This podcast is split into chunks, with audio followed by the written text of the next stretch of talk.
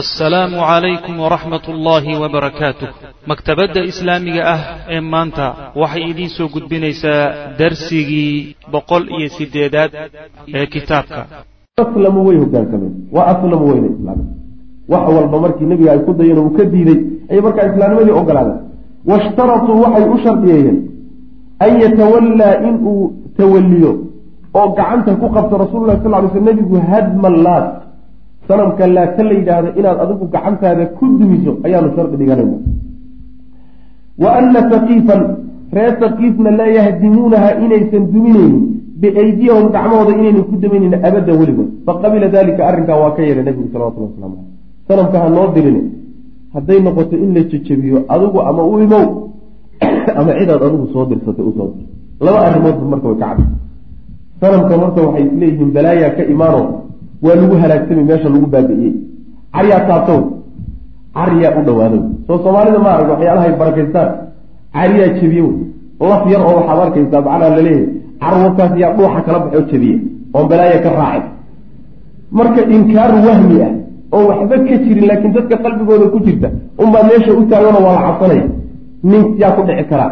Taa horta way ka cabsanayaan. Marka l nebigow naga daayo annagu yaanaan gacmahanaa ku jejabin ta labaaday ka cabsanayaan waxa wey sanamkii hadday odayaashani u kacaan oo yidhaahdaan annagaa duminayna.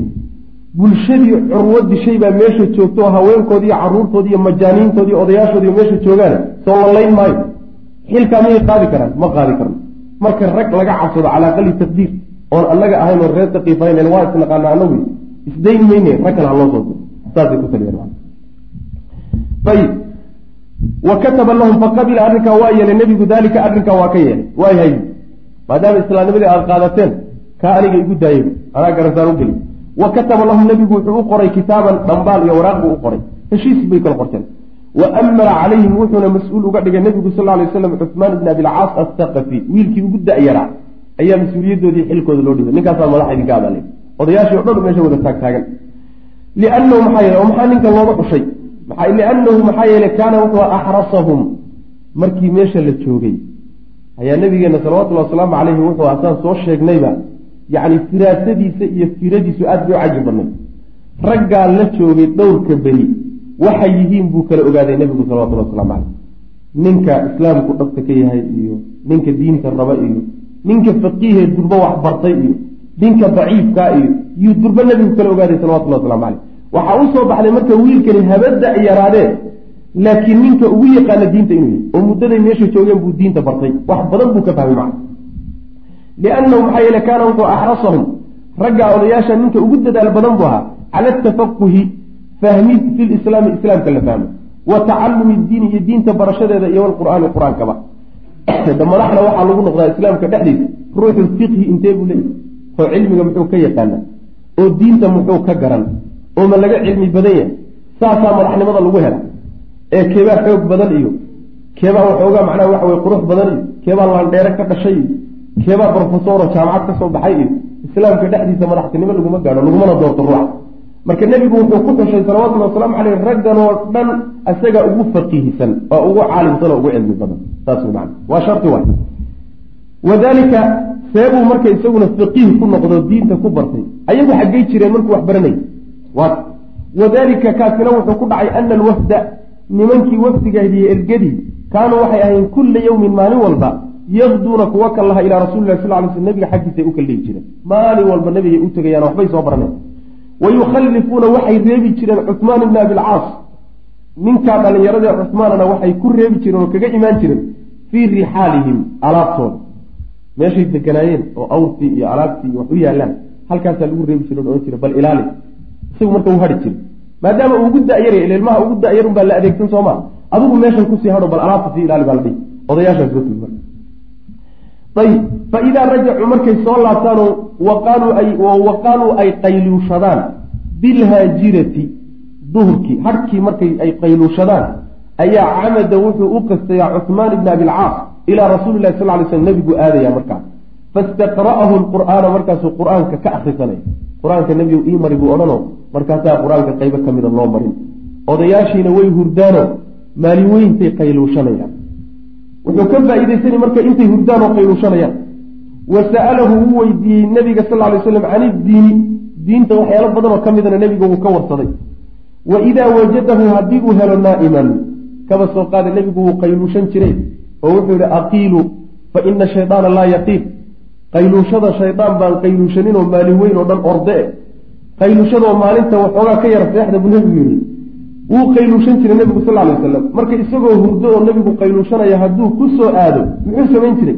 Waidaa wajadahu haddii uu helo nebiga oo naa'iman hurda camada wuxuu u qasti jiro aadi jiray ilaa abi bakrin linafsi algaradi ujeedada lafteeda isagoo wato ujeeddo wax inuu ka soo bartaa isagoo wato ayuu abubakar aadi jiray. Maxaa yeelay abubakr kaana khaliifata rasuli lahi sal lay waslam xataa fii xayaati rasuli lahi sal lay slam xataa nolosha nebigoo nool ayuu khaliif u ahaa nabiga salawatullah waslamu caleyh.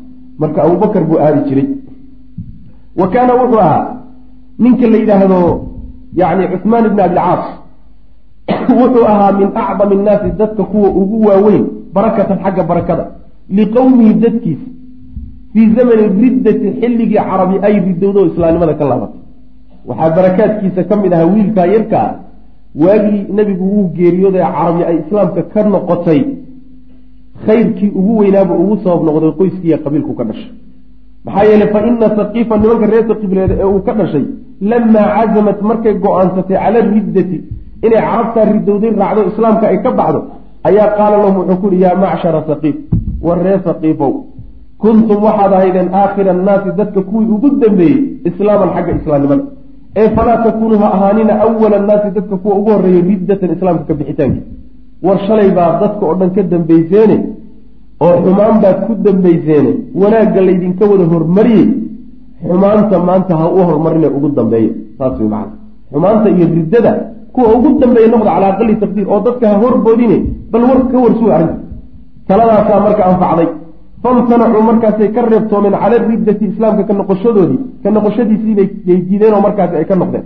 Wa tabatuu way sugnaadeen cala alislaami islaamnimaday ku sugnaadeen ilan meesha la yidhahdo daaif iyo maka iyo madiina saddexdaa magaalobaa islaamnimadaba ku soo hadhay. Aw magaalooyinkii waaweynaa ee kale iyo bulshooyinkii iyo qabaaishii kulli waa ridoobeen.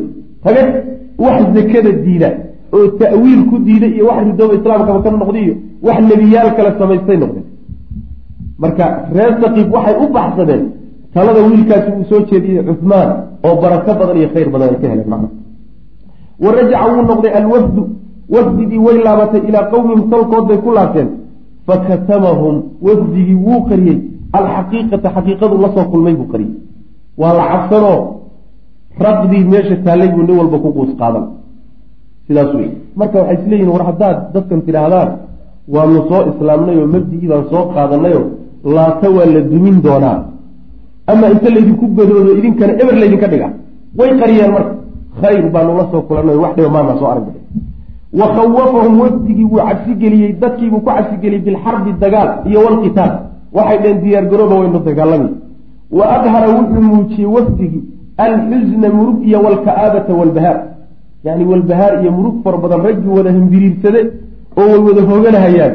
Oo nin walba murug baa ka muuqato uu iska yeeliyehayo waxba ka jirin ayaa wejigiisa ka muuqata. Wa ana rasuulalahi rasuula lahi sal ly slam waxay sheegeen rasuulka ilaahayna sa'alahum inuu weydiistay alislaama inay soo islaamaan. Codsigaasuu noo soo gudbiyey bay dheh wa tarka zina iyo zinada in laga tago. Waalkhamri iyo khamrada in laga tago. Wariba iyo ribada in laga tago. Waa mabaadi waaweyn mabaadidooda ka mid. Khamrada ka taga haddaad tidhahdo waad isku baaba-aysaa macna. Waa wax weyn. Aad meel adag bay kaga taallaa khamradu. Iyo macnaha ribada iyo waxaan wa gayriha iyo intaa waxaan ahayn oo kaleba wa ilaa hadday ka tegi waayaanna yuqaatiluhum inuu nebigu la dagaalami doono saasuu ku soo yidhi. Codsigaas soo gudbiyeyo waxyaalahaasoo dhan caadadaynoo hayd ka taga buu yidhi. Haddaad ka tegi weydaanna dagaalkayga isu diyaariya. Fariintaasaan ka wadnaa ninkii fa akhadat waxaa qabatay marka saqiifa nimankii reer saqiif waxaa qabatay nakhwatu ljaahiliya jaahiliyada kibirkeedii iyo santaageedii baa qabtay. Xamaas baa marka ku kacayo tollo ayay baa layidhi ma maantaaba inagoo reer saqiifa inoo hanjabay wiil yaroo reer qureysheed ah. Waa laysu habarwacday.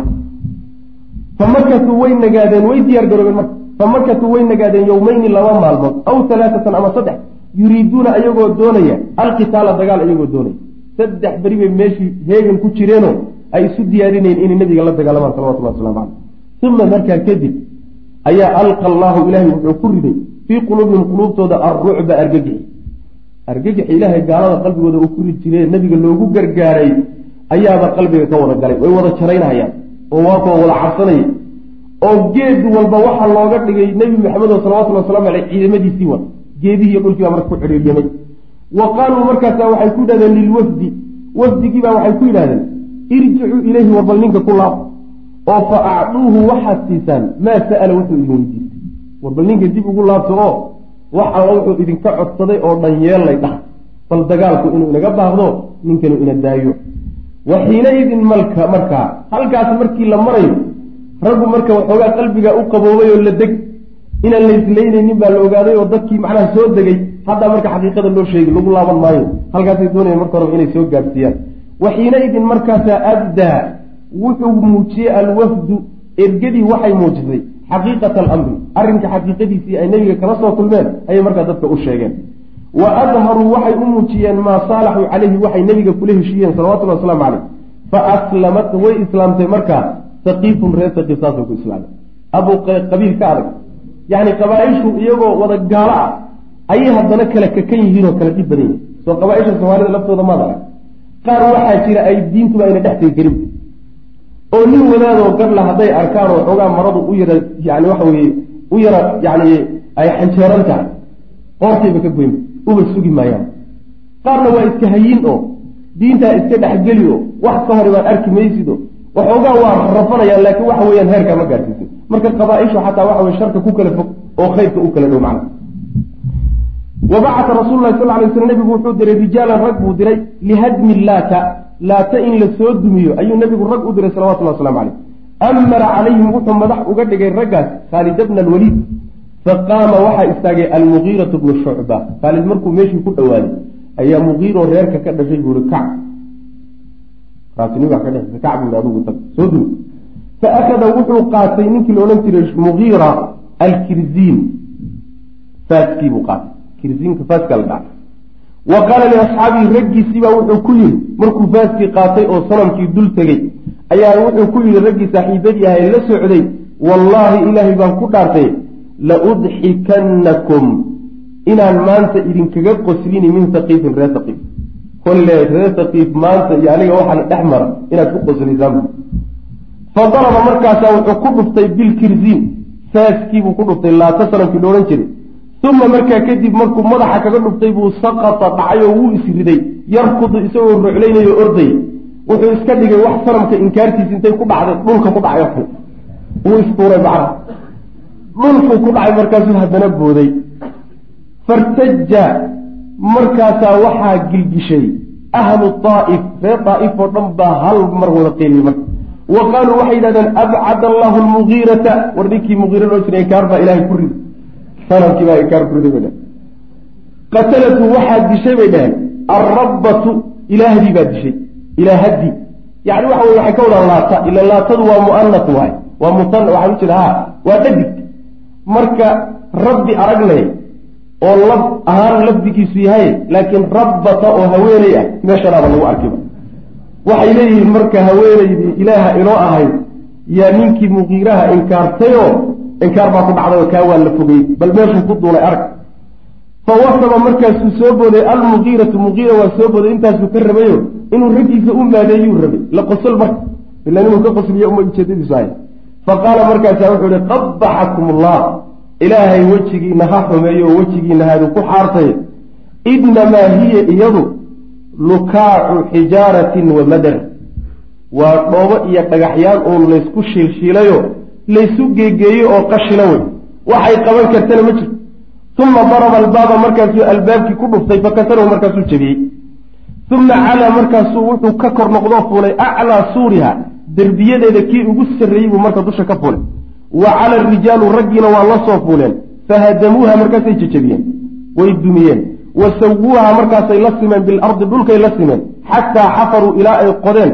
Asaasaha gunteedii bay qodeen markay iyadoo dhan dhulka la simeen bay marka ilaa gunta ayay gaadheenoo hoostay ka qodeen. Wa akhrajuu waxay soo saareen xuliyaha shinjin waxyaalihii quruxda badnaaye halkaa ku aasnaa wa libaasaha iyo dharkeedii. Ila waxaan ilaah bay u rumaysan yihiin waxyaalo badan bay u kaydiyaan. Sanamku sidiisaba bakhaar buu leeyay meel bakhaar oo istoor ah oo wax loo dhiguu leeyay waa inagii marar badan soo marnay. Markii sanamyada qaarkood saxaabada nebigu ku diray salawatulli waslam ay soo dumiyeen oo bakaarkii loo tegay bakaarkii waxba ma yaallaba kuwa iimaan la-baa macnaha u ahaa waardiyaal u ah oo waxaas ku soo dhaca meeshaba ka qaata macana marka yacni dharkii meesha ku jiray iyo wixii dahab iyo ku jiray iyo la isku qurxin jiray bay ka hor soo baxeen. Fabuhitat waa la argagixiyey. Saqiifun reer saqiif marka waa la argagixiyey. Reer saqiif oo ilaahoodii intaasna ay soo caabudahayeen inta dhulka lala simay. Haddana waxba geysan waaye. Oo muqiiro keliya xataa iska celin kari waaye argagax iyo cabsidaa marka ku dhacday xaqiiqadii ogaada wa waa soo laabtay khaalidun khaalid baa soo laabtay. Maca mafrazatihi isagoo raggiisii xulka ahaa wata ilaa rasuulilaahi nebigu u soo laabtay sal lay wasalam bixuliyiha sanamka jinjimihiisii iyo dahabkiisii isagoo wata. Wa kiswatiha iyo dharkeediiba isagoo wata. Faqasamahu markaasuu u qeybiyey rasuululahi sal lay slam baa u qeybiyey min yowmihi maalinkiisaasuu qeybiyey habeenbe kama soo wareegin markiiba ciidankiibu u kala qaybiyey. Ila waa qanime wa xamid allaha ilaahay buuna nebigu ku mahadiyey calaa nusrati nabiyihi gargaarka uu nebigiisa siiyey iyo guusha. Wa icaazi diin wa iczaazi diinihi iyo diintiisa uu xoojiyey buu nebigu ilaahay uga mahad celiyey. Subxaanahu wa tacaala. Hada wabilahi towfiiq sal allahuma wslm cala nabiyina maxamed wala alihi wasaxbi wslm alxamdu lilahi rabi lcaalamiin sali allahuma wslm cala nabiyina muxamedi wcala alihi wasaxbihi ajmaciin ama bacd فيقول المؤلف رحمه الله تعالى وحفظه رسالة ملوك اليمن waxaan kusoo dhex jirnay siirada qeybteedii dambe yani noloshii nebiga salawatullahi wasalaamu calayhi qeybihii ugu dambeeyey iyo waxyaalihii qabsoomay. Markii nebigu uu ka soo laabtay duulaankii tabuuk sannadkii sagaalaad ayaa waxaan sheegnay inay dad badan oo ka war dhowrayay bal arrinta nebigu siday ku dambeysay salawatullahi wasalaamu caleyh oo qabiilooyin fara badan ah inay markaa bilaabeen inay fawj fawj iyo koox koox islaamka u soo galaan. Sanadka markaa waxaa bilowday ay wufuuddii ugu fara badnaa iyo ergooyinkii ugu badnaa ee qabiilooyinka ka socday ay nebiga soo gaadheen salawatullahi wasalaamu caleyh taasaan ku soo dhex jirnay marka. Wufuuddii iyo ergooyinkii baan ku soo dhex jirnay. Ta sagaalaad baan markaa soo gaadhnay. Risaalatu muluuki lyaman boqoradii yeman iyo dhambaalkoodii macnaha waraaqay soo direen. Way nebiga u soo direen salawatullahi wasalaamu caleyh wa bacda marjici nabiy sal lla alay wasalam nebiga soo laabashadiisi kadib min tabuuk tabuuk markuu ka soo laabtay kadib ayaa qadima waxaa yimid kitaabu muluuki ximyar. Qabiilka reex ximyar la yidhaahdo. Madaxdiisa iyo odayaashiisa dhambaal ka socda ayaa nebiga u yimid salawatullahi wasalaamu caleyh wa hum odayaashaas reer ximyarna alxaaris ibna cabdilkilaal waaye alxaaris ibna cabdikulaal wa naciim ibna cabdikulaal wanucmaan ibnu qiil diraciin wa hamdaan wa mucaafir intaasoo dhan ayaa nebiga salawatullahi wasalaamu calayhi odayaashaas ayaa nebiga sal lla alay wasalam u soo diray dhambaal iyo waraaq u soo diray wa rasuuluhum ergeygoodii ilayhi xagga nebiga ay u soo direenna maalik ibnu murata arahaawi ninkaasuu ah. Ninka la soo diray ergeyga ahaa ee dhambaalkiiyo waraaqda xambaarsanaa ee ka soo qaaday nebigana u keenay magacaasuu lahaa. Bacatuuhu ninkaa waxay u soo dhiibeen oy la soo direen biislaamihim inay islaameen. Wa mufaaraqatihim iyo inay ka tageen ashirka gaalnimadii iyo wa ahlahu shirkiga dadkiisiiba. Inay islaamnimo qaateen mabdigii gaalnimadana ka tageen. Dadkii gaalada ahaana ay faaruqeen oo ka tageen. Farrin noocaasa waraaqda iyo dhambaal ku qoran. Wa kataba ilayhim wuxuu u qoray xaggooda rasuulullahi sal ly sl nebiguna wuxuu ugu jawaabay kitaaban dhambaal. Yani jawaab buu u celiyey. Bayana fiihi wuxuu dhexdiisa ku caddeeyey maa lilmu'miniina waxay mu'miniintu leeyihiin wamaa calayhim iyo waxa dushooda lagu leeyahay.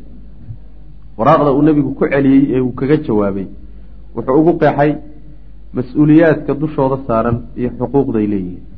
Ilan fardi kasta oo bulshada islaamka ka mid a lahu xuquuq wa caleyhi waajibaat xuquuqna uu leeyahay waajibaadna dusha isagaa lagu leeyahy macna oo dushay ka saaran yihiin marka waraaqdaasuu nabigu uu qeexay salawatullahi wasalaamu caleyh waa intii muslimiinta ahaa ee islaamka qaadatay mu'miniinta noqotay. Islaamkii baa loo faahfaahiyey. Wa acطaa nebigu waa siiyey fiihim dhexdooda wuxuu siiyey fiihim dhexdooda xaal ay yihiin almucaahadiina nimankii gaalada ahaayee laakiin ballanta jeclaystay inay muslimiinta ballan la galaanna wuxuu nebigu siiyey dimmat allah ilaahay magangelintiisa wa dimmata rasuulihi iyo nebigiisa magangelintiisa idaa actow hadday bixiyaan wey maa calayhim waxa dushooda oo min aljizyati jizyada ah yacni bulshada meesha ragga madaxda ahee waraaqda soo diray bulshaday madaxda u yihiin baa qaarna islaameen qaarna gaalo wey qaarka gaalada laakiin inay nabadgelyo ku noolaadaanoo heshiis ay muslimiinta la galaan bay rabaan. Dimiyiin iyo mucaahadiin bay rabaan inay noqdaan. Nebigu marka labadii qoloba waa ku xusayo qolada muslimiinta ahna wixii muslimiin lahaan jireenoo xaqana waa leeyihi wixii muslimiin lagu lahaan jirayoo waajibaadna waa lagu leeyahy qolada gaalnimadoodii ku hadhay ee muslimiinta inay la noolaato doonaysana jizya laga qaadaya. Jizyadu waa xoolo gaalada laga qaado. Bimuqaabil yani xoolahana waxay ku aadan yihiin khadamaadka iyo adeega dowladda islaamku ay u qabanayso. Saas way macnaha ilan ayagu ma jihaadayaan oo waddankii ma difaacayaan oo midda labaad zake laga qaadi maayo. Sidaa daraaddeed jizyadaas waxyaalo badan bay gufaynaysaa macna ilan muslimiintaba xoolaha laga qaadaya dowladdu ka qaadaya macna marka jizyadaasi hadday bixiyaan xagga ilaahay iyo xagga rasuulka xagga ilaahay iyo xagga rasuulka labadaba magangeliyay ka haystaan wey macnaha lama taaban karo. Xoolahooda iyo naftooda iyo waa waa macsuum wey wa bacata ilayhim nebigu wuxuu u diray qolyaha rijaalan rag buu u diray oo min asxaabihim asxaabtiisa. Amiiruhum raggaa waxaa madax u ahaa mucaad ibnu jabal. Markii waraaqdu u timid yuu nebigu marka diray rag saxaabadiisuho dadka wax soo bara. Mucaad ibnu jabal baa marka yani waxa weeyaan u ahaa aclamu saxaabati bilxalaal walxaraam ninkuu nebigu yihi salawatullahi wasalaamu caleyh ninkaasaa marka madax u ahaa macna wafdida tobnaadi waxa weeye waa wafdu hamdaan. Qabiilka reer hamdaan la yidhahdo wafdidii ka socotay wey. Qadimuu waxay yimaadeen iyaguna sanata tiscin sannadkii sagaalaad. Alhijri sannadkii sagaalaad ee hijrada ayay iyaguna nebiga u yimaadeen salawatullahi waslamu caleyh bacda marjicihi markuu nebigu ka soo laabtay min tabuuk tabuuk markuu ka soo laabtay bay wafdidanna u yimaadeen. Fakataba lahum rasuululahi sal ly slm nebigu marka waraaq buu u qoray iyo dhambaal. Waraaqdaasoo aqtacahum uu ugu gooyo ku siiyey. Fiihi waraaqdaa dhexdeeda maa sa'aluuhu waxay weydiisteen. Waxyaalo badan bay nebiga weydiisteen inuu siiyo. Waxay ka codsadeen oo dhan buu waraaq ugu qoray in loo ogolaado wa amara calayhim wuxuuna dushooda madax uga dhigay maalik ibnu namad nin la yidhaahdo oo la socday. Yuu mas'uul uga dhigay nebigu salawatullhi waslamu aleyh wafdidii socotay. Wastacmalahu ninkaa maalig la yidhahdo nebigu wuxuu oday uga dhigay iyo madax. Calaa man aslama cid cid alle ciddii islaamta oo min qowmihi dadkiisa. Nimankii la odhan jiray ree hamadaan wixii ka islaama adaa madax u abu nebigu uri salawatullahi waslamu caleyh yacni mas'uulka matalo wey dowladda nebiga salawatullahi wasalaamu caleyh ee qoyskaas iyo qabiilka odayga iyo madaxda u ah. Wa bacata nebigu wuu u diray salawatullahi wasalaamu caleyh ilaa saa'irihim intoodii kale. Intooda kale wuxuu u diray khaalida bna alwaliid buu u diray. Saa'irahu macnaha waxaa laga wadaa intii ka islaamtay hamadaan mooye hamdaan intii ka islaamtay mooye intii kale gaalnimada ku hadhay rag diinta u gaadhsiiya ayuu nebigu u diray. Khaalid ibnu waliid buu u diray marka. Yadcuuhum khaalid isagoo ugu yeedhaya ilal islaami islaamnimada ugu yeedhaya soo islaama. Fa aqaama markaasuu wuxuu ku nagaaday khaalid sittata ashhurin lix bilood buu ku nagaaday oo dhexdooda joogay. Yadcuuhum isagoo ugu yeedhaya islaamnimada. Falam yujiibuuhu waxba mayna ka yeelin. Lix bilood buu dhex joogayo qabiilka islaamka u bandhigayay. Intiisii gaalada ahaa. Waxba mayna ka dhegaysaninoo way ku diideen way ku gacan saydheen ayib uma bacata markaa kadib nebigu wuxuu diray caliya bna abi aalib ayuu diray. Cali buu ka daba diray khaalid wa amarahu wuxuuna nebigu cali amray an yaqfila an yaqfil an yuqfila dheh inuu soo celiyo. Khaalidan khaalid inuu soo celiyo. Yacni wuxuu ku yidhi meesha tag. Khaalid markaad u tagto khaalid ha soo laabto. Meeshiisana adigu booskiisa ku wareeg. Saasuu nebigu faray. Ayb fa jaa wuu yimid caliyun cali waa yimid. Ilaa hamdaan buu u yimid. Qabiilkiibuu soo gaadhay wa qara'a calayhim wuxuuna dushooda ku akhriyey kitaaban dhambaal iyo waraaq min rasuuli lahi sal ly slam oo nebiga ka socota wa dacaahum wuxuuna ugu yeedhay ila lislaami islaamnimadu ugu yeedhay cali. Fa aslamuu markaasay islaameen jamiican kulligoodba. Macnaha khaalid waa ka diideen. Yani lix biloodna waa dhex joogay laakiin cali markuu u yimid islaamnimadii bay qaateen waa wada islaameen. Wa kataba caliyun cali markaasuu waraaq soo qoray.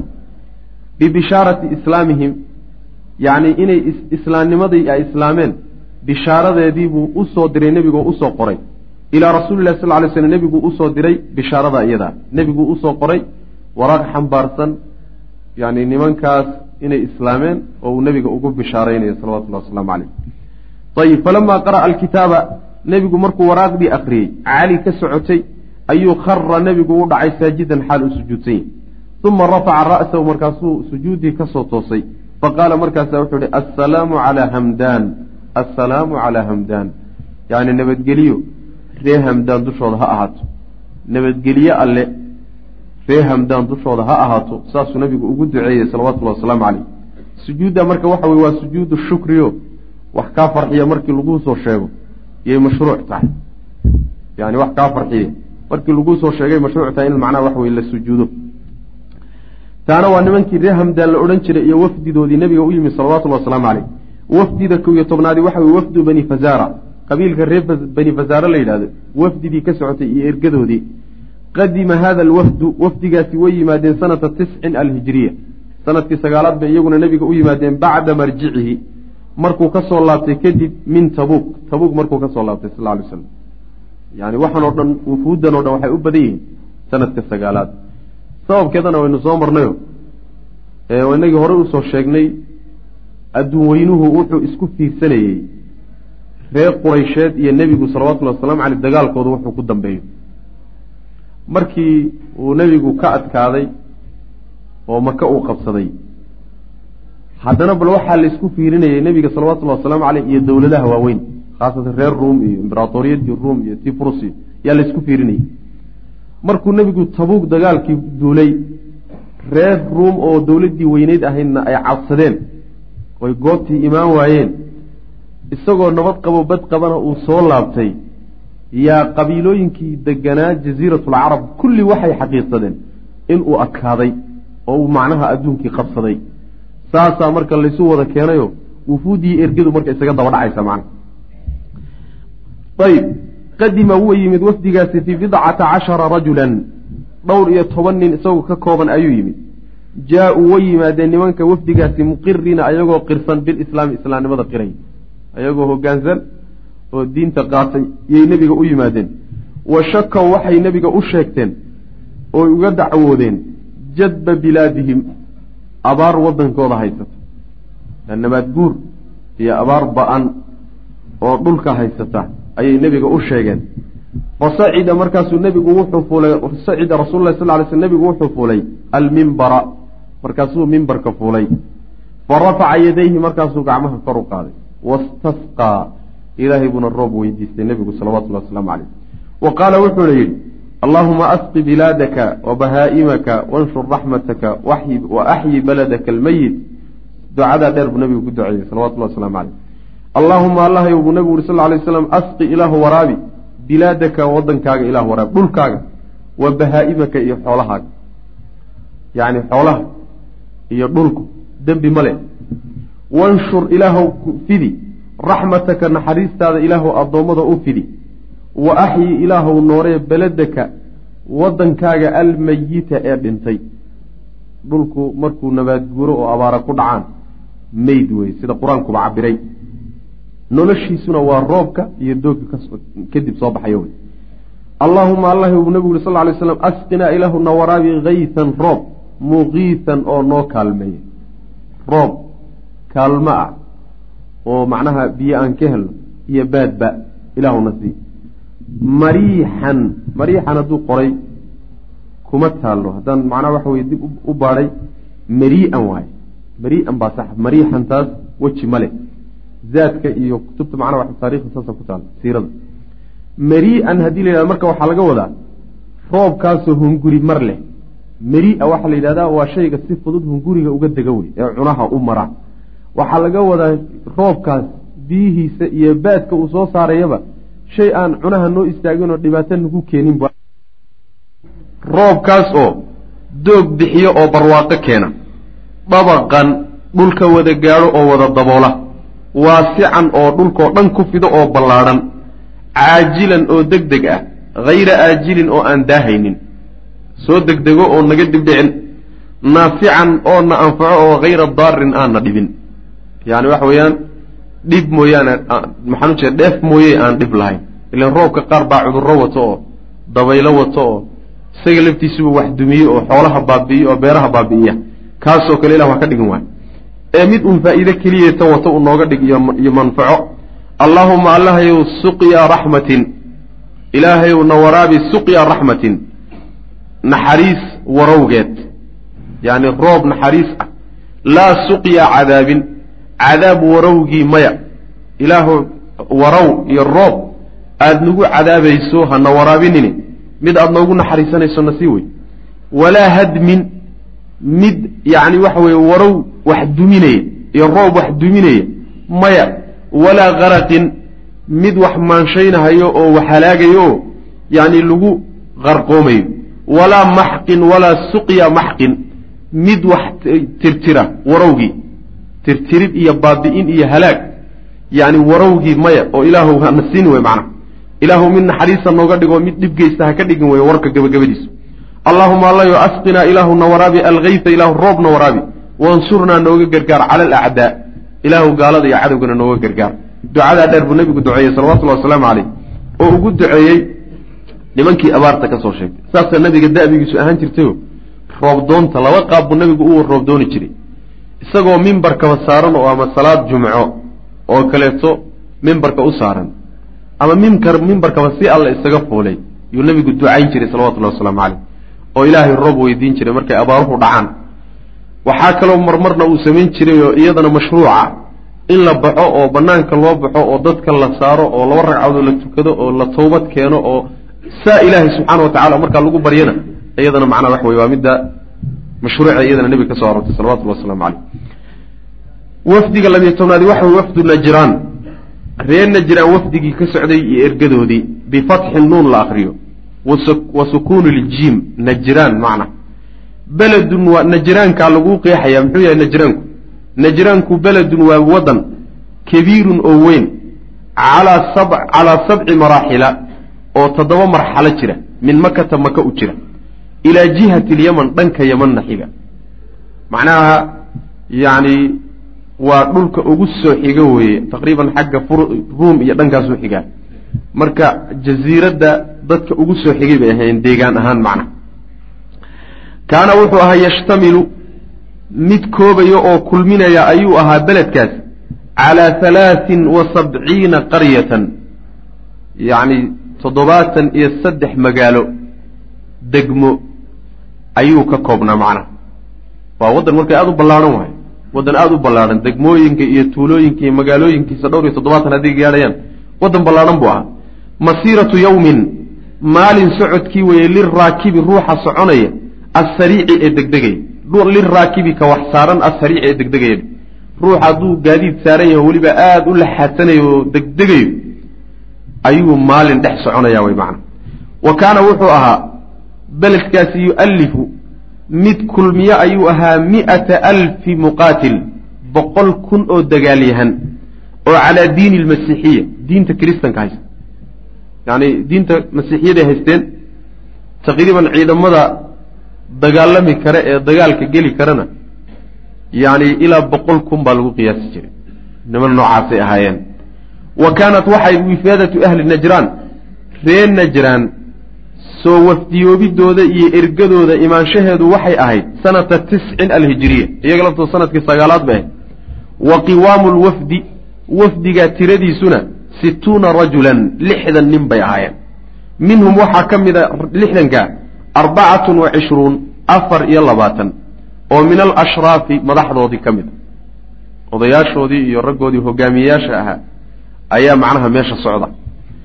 Fiihim waxaa ku jira afar iyo labaatankaasi madaxda ah. Waxaa ku jiro oo ayaga si gooniya xusid u mudan halaatatun saddex. Saddexdaasoo kaanat ilayhim ayaga xaggooda ay ahayd zacaamatu ahli najraan ree najraan hogaamintooda iyo madaxtooyadooda. Maamulka iyo madaxnimada iyo odaytinimada ree najraan oo dhan saddex nin bay isugu soo urursanaysa. Saddexdaasaa waxaa ka sii hooseeya dowladda inteedii kale oo rag kale oo madaxaa ka sii hooseeya dhowr iyo labaatanku saasay ku imaan marka saddexda ninee marka ugu sarreeyey dowladda ayay ahaayeen saddexdani axaduhum midkood waxa weye alcaaqibu waay caaqib baa la yidhahdaa naanaystaasu leey kaanat ilayhi xaggiisa waxaa ahayd oo uu hayey alimaaratu yani madaxtooyada waalxukuumatu iyo dadka kala saaridiisa. Wax alla wixii laysku qabsado isagaa dadka kala saari isagaana dadka madax u ah. Yani madaxweynihii wey maana saasoo kale ka dhiganta wasmuhu magaciisa waxa la cabdulmasiix magacaasuu leey addoonkii masiix. Wathaani midka labaadna ninka labaadna asayidu wey. Isaguna naanaystaasuu leeyahy kaanat waxa ahayd taxta ishraafihi maamulkiisa iyo kawarhayntiisa waxaa hoos imaanaya alumuuru athaqaafiya arrimaha waxbarashada. Wasiyaasiya iyo siyaasadda labadaba yani laba arrimood buu qaabilsanaayo. Waxbaridda ummadda iyo tadqiifinteeda iyo mustawaheeda kor loo qaada iyo arrimaha siyaasadda iyo ninka gori u ahaa haddii la guurahayo iyo haddii la degan yahay iyo dadka lala dagaalami iyo kuwa lala heshayn iyo ninka arrimaha qaabilsan bu ah wasmuhu magaciisa waxaa la yidhahda alayham aw sharaxbiil labadaa magac mid buu leeyahy wthaaliu ninka saddexaad waxa weye alasqufu. Wa kaanat ilayhi isagana xaggiisana waxaa ahayd oo uu hayey azacaamatu diiniya madaxnimada diiniga ah. Yani sheekha dowladdu ahaa macna. Sheekha dowladda ninka diin ahaan looga dambeeyu ah. Waalqiyaada aruuxiya iyo hogaanka xagga ruuxda ah. Qiyaada ruuxiya waxaa laga wadaa yani oo inta badan loo adeegsadaa xagga quluubta iyo diimaha iyo dadka looga dambeeya culimada ah. Yaa waxaa la yidhahdaa alqaada aruuxiyiin ba la yidhahda alqaada aruuxiyiin macna. Marka yani xagga arrimaha diinta ninka looga dambeeyuu ahaayo muftiga dowladda ayuu ninkaasuna ahaa. Wasmuhu magaciisa waxaa la yidhahdaa abu xaarifata bna calqama magacaasu isaguna lahaa. Saddexdaa nin oo madaxdii ugu sarraysay ee reer najraan ah yaa wafdiday ergada la socota macnaha walamaa nazla alwafdu wafdigii markay yimaadeen bilmadiinati madiine markay yimaadeen oo walaqiya anabiyu sal ly waslam nebiguna uu la kulmay ama walaqiya anabiya wafdiguu nebiga la kulmay sal lay waslam ayaa sa'alahum nebigu wuu weydiiyey wa sa'aluuhu iyaguna way weydiiyeen. Su'aalaa la isdhaafsaday. Ayaguna nebiga sal lay waslam su'aalay weydiiyeen. Isaguna ayagu su'aalo weydiiyey. Uma dacaahum markaasuu nebigu wuxuu ugu yeedhay ila alislaami inay islaamaan. Islaamnimada qaata buuhi diinta qaata wa tala calayhim alqur'aana qur'aankana waa ku dul akhriyey. Famtanacuu way diideen. Nimankan maadaama ay nasaaro yihiin taqriiban nebiga salawatullahi wasalaamu calayhi xaqnimadiisa risaaladiisu inay xaq tahay way ogaayeen khaasatan ninkan diina diinta xaggeeda qaabilsan ee sheekha u ahaa wuu ogaa nebinimadiisu inay xaq tahay. Maxaa yeeley kitaabkay haysteen ee injiil ahaa yaa qiraya oo ay ka akriyayeen nebi noocaasa inuu soo bixi doono macna. Xataa waxaa dhacday bay leeyihiin riwaayaadka siiradu. Markii dhexda la soo socday ayaa waxaa wada socday ninka la yhahda abu xaarisahan oo muftiga dowladda ah iyo ninay walaalo yihiin oo la yidhahdo kursi ayaa wada socday. Kursi baa marka neefkii geele uu saarnaabaa la simbirixday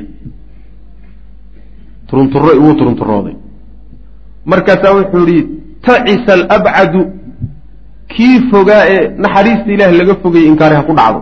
Saasoo kale macana inkaar allah ha ku rido nebigu ku wadaa salawatullah waslamu caleyh markaasaa wuxuu yidhi abu xaaris alla hadlayo anta tacista buu ku yidhi. Adiga inkaari kugu dhacday waa maxay waxaad sheegayso markaasuu yidhi war war waa sidee?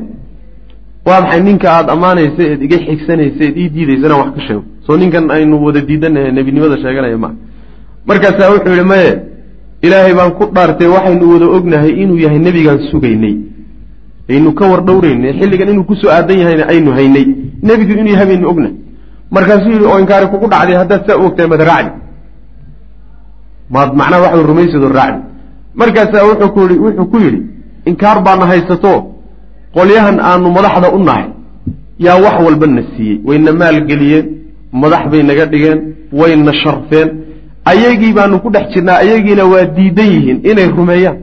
Haddaanu marka raacno waxoogaagaanu waayi haddii aanu macnaha waxa weeye aanu xataa ku sheegnaba inuu xaq yahay intan ayna siiyeen baanu waayayna marka shibdha buu shibdha yacni waxa weeyaan intaana waxaa laga yaabaa inay hanuunaane intaana qarso.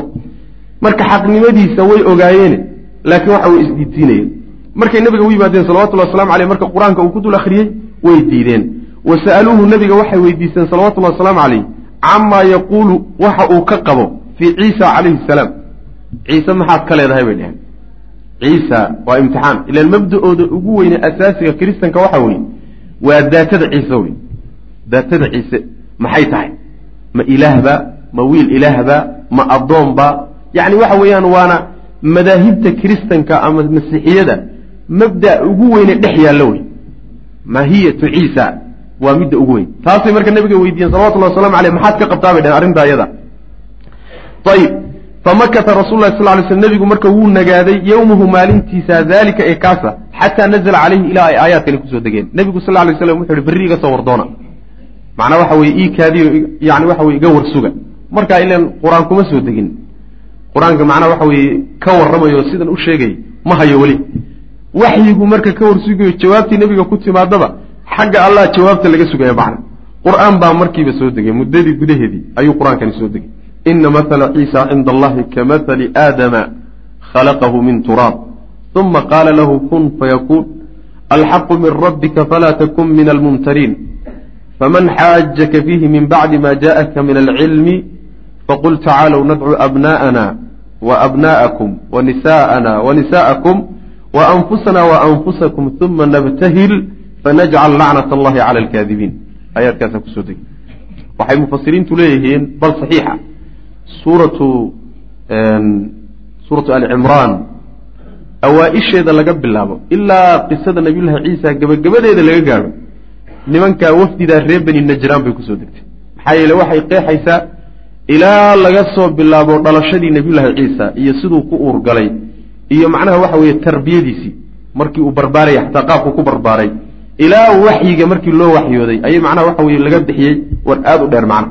Waxaa marka lagu gebagabeeyey ina mathala ciisa ciise sifadiisu cinda allahi ilaahay agtiisa ka mathali aadama waa aadam sifadiisii oo kale khalaqahu ilaahay aadam wuu abuuray min turaabin caruu ka abuuray uma qaala lahu markaasaa wuxuu ku yidhi alle kun ahow fayakuunu markaasuu ahaaday aadam aadam oo kale wey aadam ilaahay caruu ka abuuray isagana waa ilaahay baa abuuray wey macana meeshay iskaga mid yihiin waxa weye weliba ta aadam baa ka sii cajib badan kiristanku hadda waxay u hayaan oo uleeyihiin waa wiil ilaah iyo waa ilaahay ay u hayaan wax kale maaha macnaha aabbala-aan buu dhashay wey xujada marka lagu afjaray waxay tahay oo aadam baan hooyihi aabbaba lahayne kani hooyuuba leeyahay soo abuurkiisu kama sii cajab badnaa haddii muduun uu noqon lahaa yani waxa weye ilaahay loo tiirin lahaa aadam baa ka mudnaan lahaa.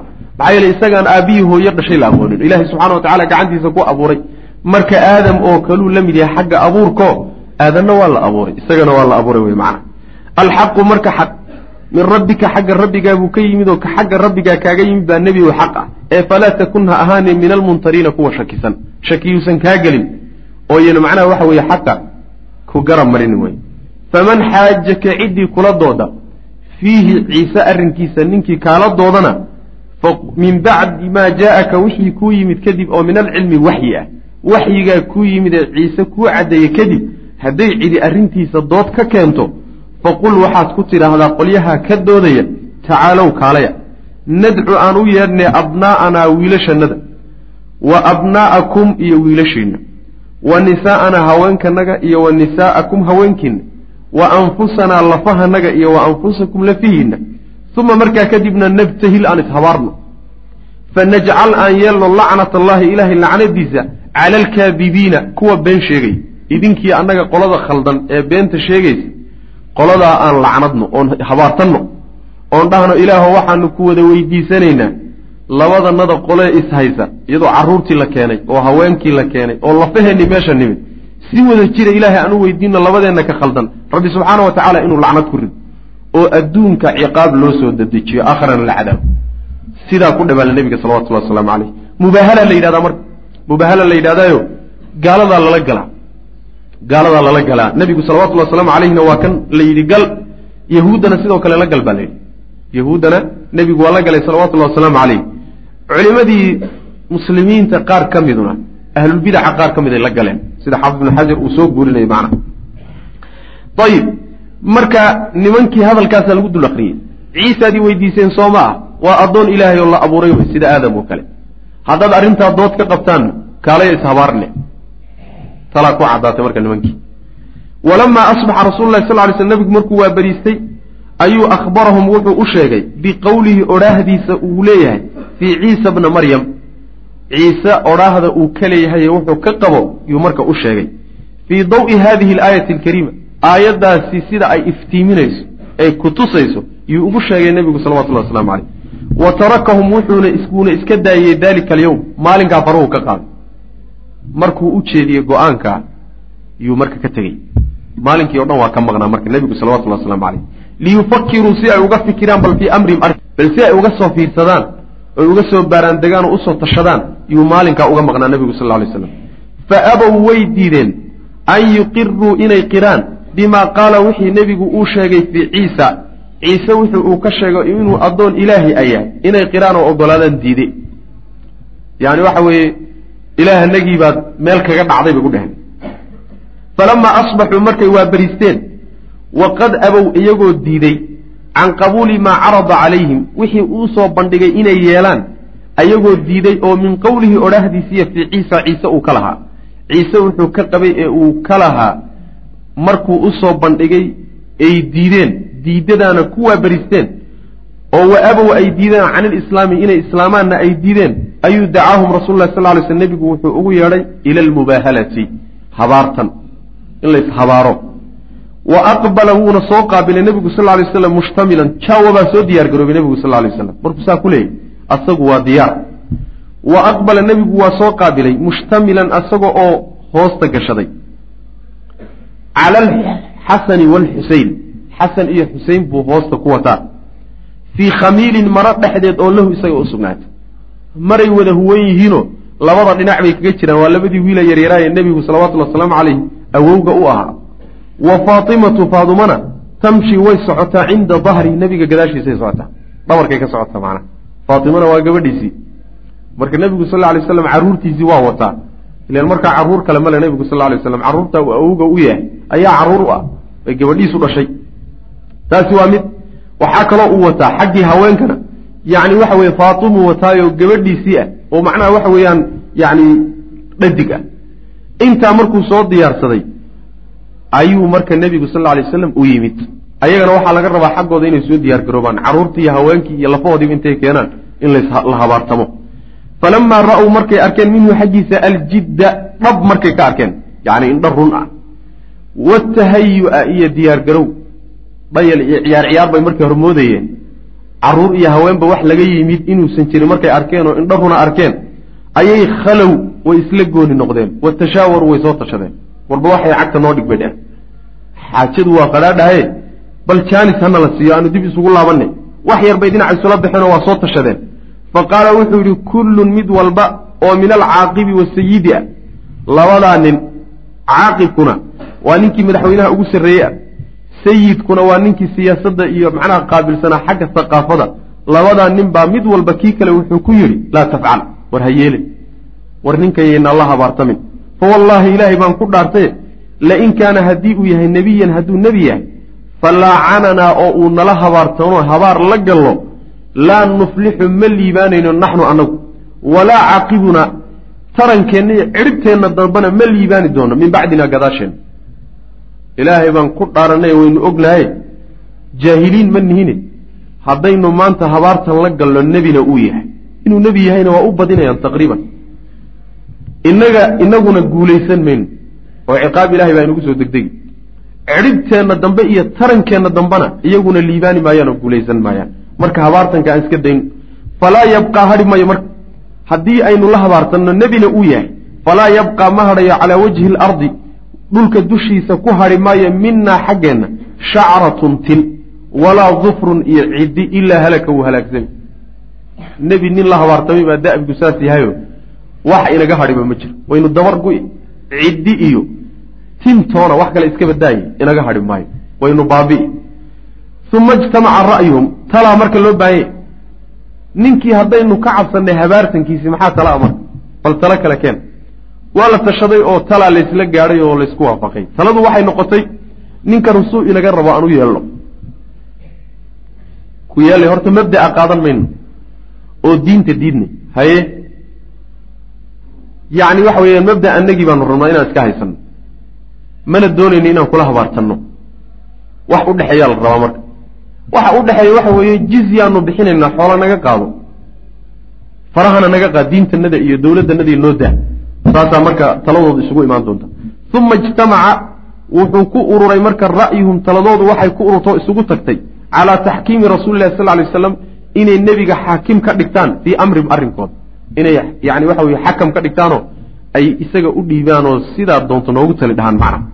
Fa jaa-uu way u yimaadeen wa qaaluu waxay yidhahdeen innaa nuctiika waxaanu ku siinaynaa maa sa'altana waxaad naga warsatay waxaadna warsatay. Waxaadna weydiisatay baanu ogolaanay oo ah macnaha jizye inay bixiyaan faqabila rasuulu lah sal ly sl nebigu wuxuu ka aqbalay minhu xaggooda aljizyata. Xoola inay bixiyaan baa laga aqbalay. Wa saalaxahum nebigu wuxuuna kula heshiiyey calaa alfay xulla yani laba kun oo isku joog. Alfun kun fii rajab rajab bay bixinayaan. Wa alfun kunka kalena fii safar bisha safar bay bixinayaan. Xullada waxaa la yidhahdaa waa marada kor iyo hoos isu eg marada isku joogee qeybteeda hoose iyo qeybteeda kore isu eg yaa xulla la yidhahda marka yani waxa weeyaan laba kun oo isku joog oo maryo ah in ay bixiyaan buu heshiis kula galay. Labadaa kun waa qaybsan yihiin kunna waxay bixinayaan bisha rajab kunna bisha safar. Weliba intaa ma ee xoolaa dheer. Wa maca kulli xullatin isku joog walbana waxaa la socda oo la jirankiisa ah awqiyatun wiqiyad fida. Awqiyada waxaa la yidhahdaa afartan dirham afartanka dirham baa la yidhahdaa macnaha awqiya la yidhahdaa. Dir daraahimtaasina waa la socotaa. Ayagu maxay leeyihiin marka? Xoolaha ma bilaash bay ku bixinayaan? Maya. Xagga nebiga salawatullhi wasalaamu caleyh maxay ka helayaan? Wa acطaahum nebigu waa siiyey salawatullahi wasalaamu caleyh dimmat allah ilaahay magangelintiisa wa dimmata rasuulihi iyo rasuulkiisa magangelintiisa. Yani waxay leeyiin nabadgelin bay leeyihiin xagga dowladda nebigu uu hogaanka u yahay ee madaxda u yahay iyo muslimiinta raacsan wax dhiba kaga imaan maayo saas way macana yacni dowladday ku hoos jiraan. Ciddii ku timaado oo cadow shisheeye ana waa lala difaaci oo muslimiinta la difaacay. Saas wey wa taraka lahum nebigu wuxuu u daayey alxoriyata alkaamila xorriyad dhamaystiran fii diinihim diintoodii diintiina xorriyad baad u haysataan kaniisadahooda iyo cibaadaadkooda iyo duquustoodaas xorriyad baa loo siiyey.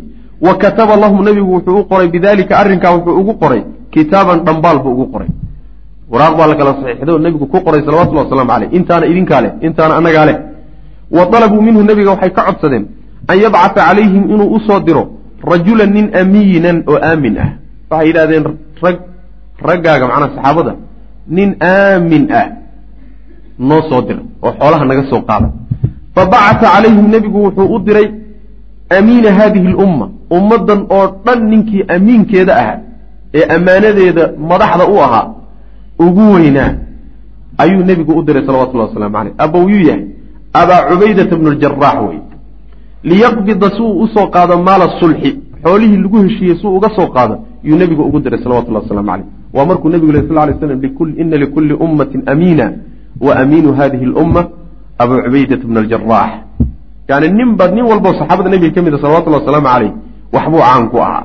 Marka ninkaasi xagga ammaanada ayaan lagula sinayn oo rag oo dhan uu kaga sitay macna uma tafiqa wuxuu bilaabay marka alislaamu islaamkii ilen mar yani yafshu inuu fidayo fiihim dhexdooda islaamkii inuu faafuu marka bilaabay maxaa yeeley mar ba haddii nabadgelye la helo islaamku nabadgelyadii heshiisku sida lisaalix almuslimiin waay haddii muslimiintu ay diintooda u taagan yihiin oo dacwada fidinayaan in heshiis la galo oo xorriyad mabaadi'da la siiyo muslimiinta iyo islaamkay dani ugu jirtaa maxaa yeeley xujadiisu hadday jaanis ay ku soo daahirta hesho xujajka kale baatilkao dhan madaxay burburin isma taagi karaan.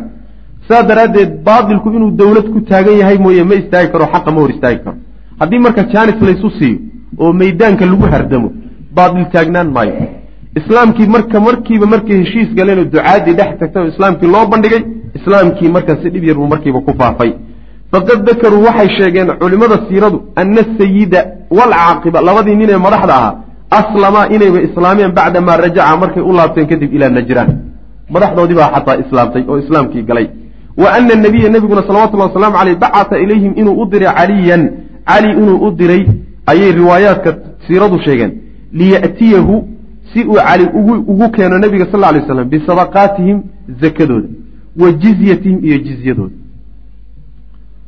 Ayib haddii la yidhi meesha sadaqaa laga soo qaaday oo zakaa laga soo qaaday jizyana waa laga soo qaaday maxaan ka fahmaynaa inay qaarna islaameen qaarna gaalo ahaayeen saas macana wa macluumun waxaa la og yahay oo layska garanayaa anna sadaqata sakada inamaa tu'khadu waxa uu laga qaadaa min almuslimiina muslimiinta unbaa laga qaadaa. Cali baa u tegoo marka zakada ka soo qaaday macnaheedu way islaameen wey. Qaarna jizya laga soo qaado qaarkii gaalnimada ku hadhay wey. Qoladaana waa wafdigii reer beni najraan la yidhaahdo qisadooda aad macnaha waxa weeyaan waxaa ku soo degtay suuradda suuratu ali cimraan in badan oo ka mid a qaybaha hore o dhan ilaa aayaddan hadda akrinin laga soo gaaro macna ayib wafdida saddexiy tobnaadi waxa weeye ee nebiga sal ly slam u timid wafdu bani xaniifa. Reer bani xaniifa wafdigoodii reer bani xaniifa qabiil dhib badan bay ahaayeeno. Waxay degi jireen ardu najdin khaasatan riyaad. Riyaad magaalada la yidhaahdo. Halkaasuu deegaankoodu ahaa. Waadi bani xaniifa waadi la yidhaahdo macnaha waxa wey caan magacoodaba caan ku ah ayaa macnaha meesha ku yaal marka deegaankoodu halkaasu ah reer bani xaniif. Niman aad u kakan oo geeley ahoo dhib badan oo yacni waxa weeyaan laga cawdi bilaystana way ahaayeen. Kaanad waxay ahayd wifaadatuhum wafdi noqoshadoodii iyo ergadoodu waxay ahayd sanata tiscin alhijiriya sannadkii sagaalada hijiriga ayay ahayd. Wa kaanuu waxay ahayd sabcata cashara rajulan toddobiyo toban nin bay ahayd. Fiihim dhexdooda waxaa aday ragga oo ku jira musaylamatu lkadaab musaylamatu lkadaab ninka la magac baxay yaa la socda ragga ergada ee banuu xaniifa qabiilka leeda ka socda wa huwa isaguna musaylamatu bnu humaama bnu kabiir ibnu xabiib ibnu alxaaris min bani xaniifa waay abtirsigiisu saas wey qabiilkiisuna waa reer bani xaniifa nazala wuu degay hada alwafdu wafdigaasi wuu soo degay markaas uu imaanayo musaylamatu lkadaab lama yidhaahdo. Magacaa musaylamatu lkadaabka kadaabkaas dib baa laga raacin doonaa oo muslimiinta u bixiyey. Markuu nebinimada sheegan doono ayaa kadaabkaasi raacay laakiin markaa musaylama la yidhahdaa ayib nazla hada alwafdu wafdigaasi waxay ku soo degeen. Fii beyti rajulin nin gurigiibay ku soo degeen oo min alansaari. Ansaar ka mid reer madiina. Nin reer madiinay gurigiisa ku soo degeen markay yimaadeenba. Uma jaa-uu markaasay yimaadeen ila nabiy sal ly sl nabigay u yimaadeen fa aslamuu markaasay islaameen. Reer bani xaniifa wafdigii socday. Markiiba waa islaameen oo diintay qaateen. Waاkhtalafat iriwaayaatu riwaayaadka warinaya ee sheegaya way iskhilaafeen fii musaylamati alkadaab musaylamatu lkadaab arrinkiisa riwaayaadku way isku dabamarsan yihiin oo qoloba waxbay ku sheegayaan. Meesha ma yimid oo wafdida ma soo raacay oo nebiga ma u yimid. Mise meeshiibuu ku hadhay. Maxaase reebay hadduu hadhay? Hadduuse nebiga u yimid muxuu la kulmay? Riwaayaadku aad bay u kala gedisan yihiin wa yadharu waxaase soo baxaya buu leeyahy oo muuqata sheekhu bacda ta'amuli markaan arrinta aada ugu fiirsanno kadib fii jamiiciha riwaayaadkao dhan markaynu aada ugu fiirsanno oo aynu daraasayno. Waxaa muuqanayo inoo soo baxaya ana musaylamata ninkaa musaylame la yidhahdo sadara minhu inuu ka soo fulay alistinkaafu isla weynan waalanafatu iyo santaag waalistikbaaru iyo kibir waatumuuxu iyo hunguri iyo hanqaltaag uu hanqaltaagayo ila alimaarati madaxtooyada. Yacni markii wafdidu meesha timid meel bay degeen. Meeshay ku degeen. Ayaa markaa layska soo qorsheeyey oo raggii nebiga u imaan laha salawatullhi wasalaamu caleyh alaabtood meeshay ka yimaadeen bay marka soo tageen. Isagu marka meeshaybu ku hadhay maxaa yeeley waxoogaa wuxuu iska yara santaagaya ka kibirsanaa iskala weynaa u tag ninka reer qureysheed. Nimanka reer najidina iyo reer qureysheedna waxoogaa tartan baa ka dhexeeyeyo waxba mayna u ogolayn qabaa-isha kaleete ee waxoogaa wax u ogol maynan ahayn yacni tartankaasaa marka jirayo walaalayaal darsigaani halkaas ayuu ku eg yahay. Allah tabaaraka wa tacaala waxaan ka baryaynaa inuu nagu anfaco. Assalaamu calaykum waraxmat ullaahi wabarakaatuh walaalayaal darsigaani halkaas ayuu ku eg yahay. Allah tabaaraka wa tacaala waxaan ka baryaynaa inuu nagu anfaco. Assalaamu calaykum waraxmat ullaahi wbarakaatu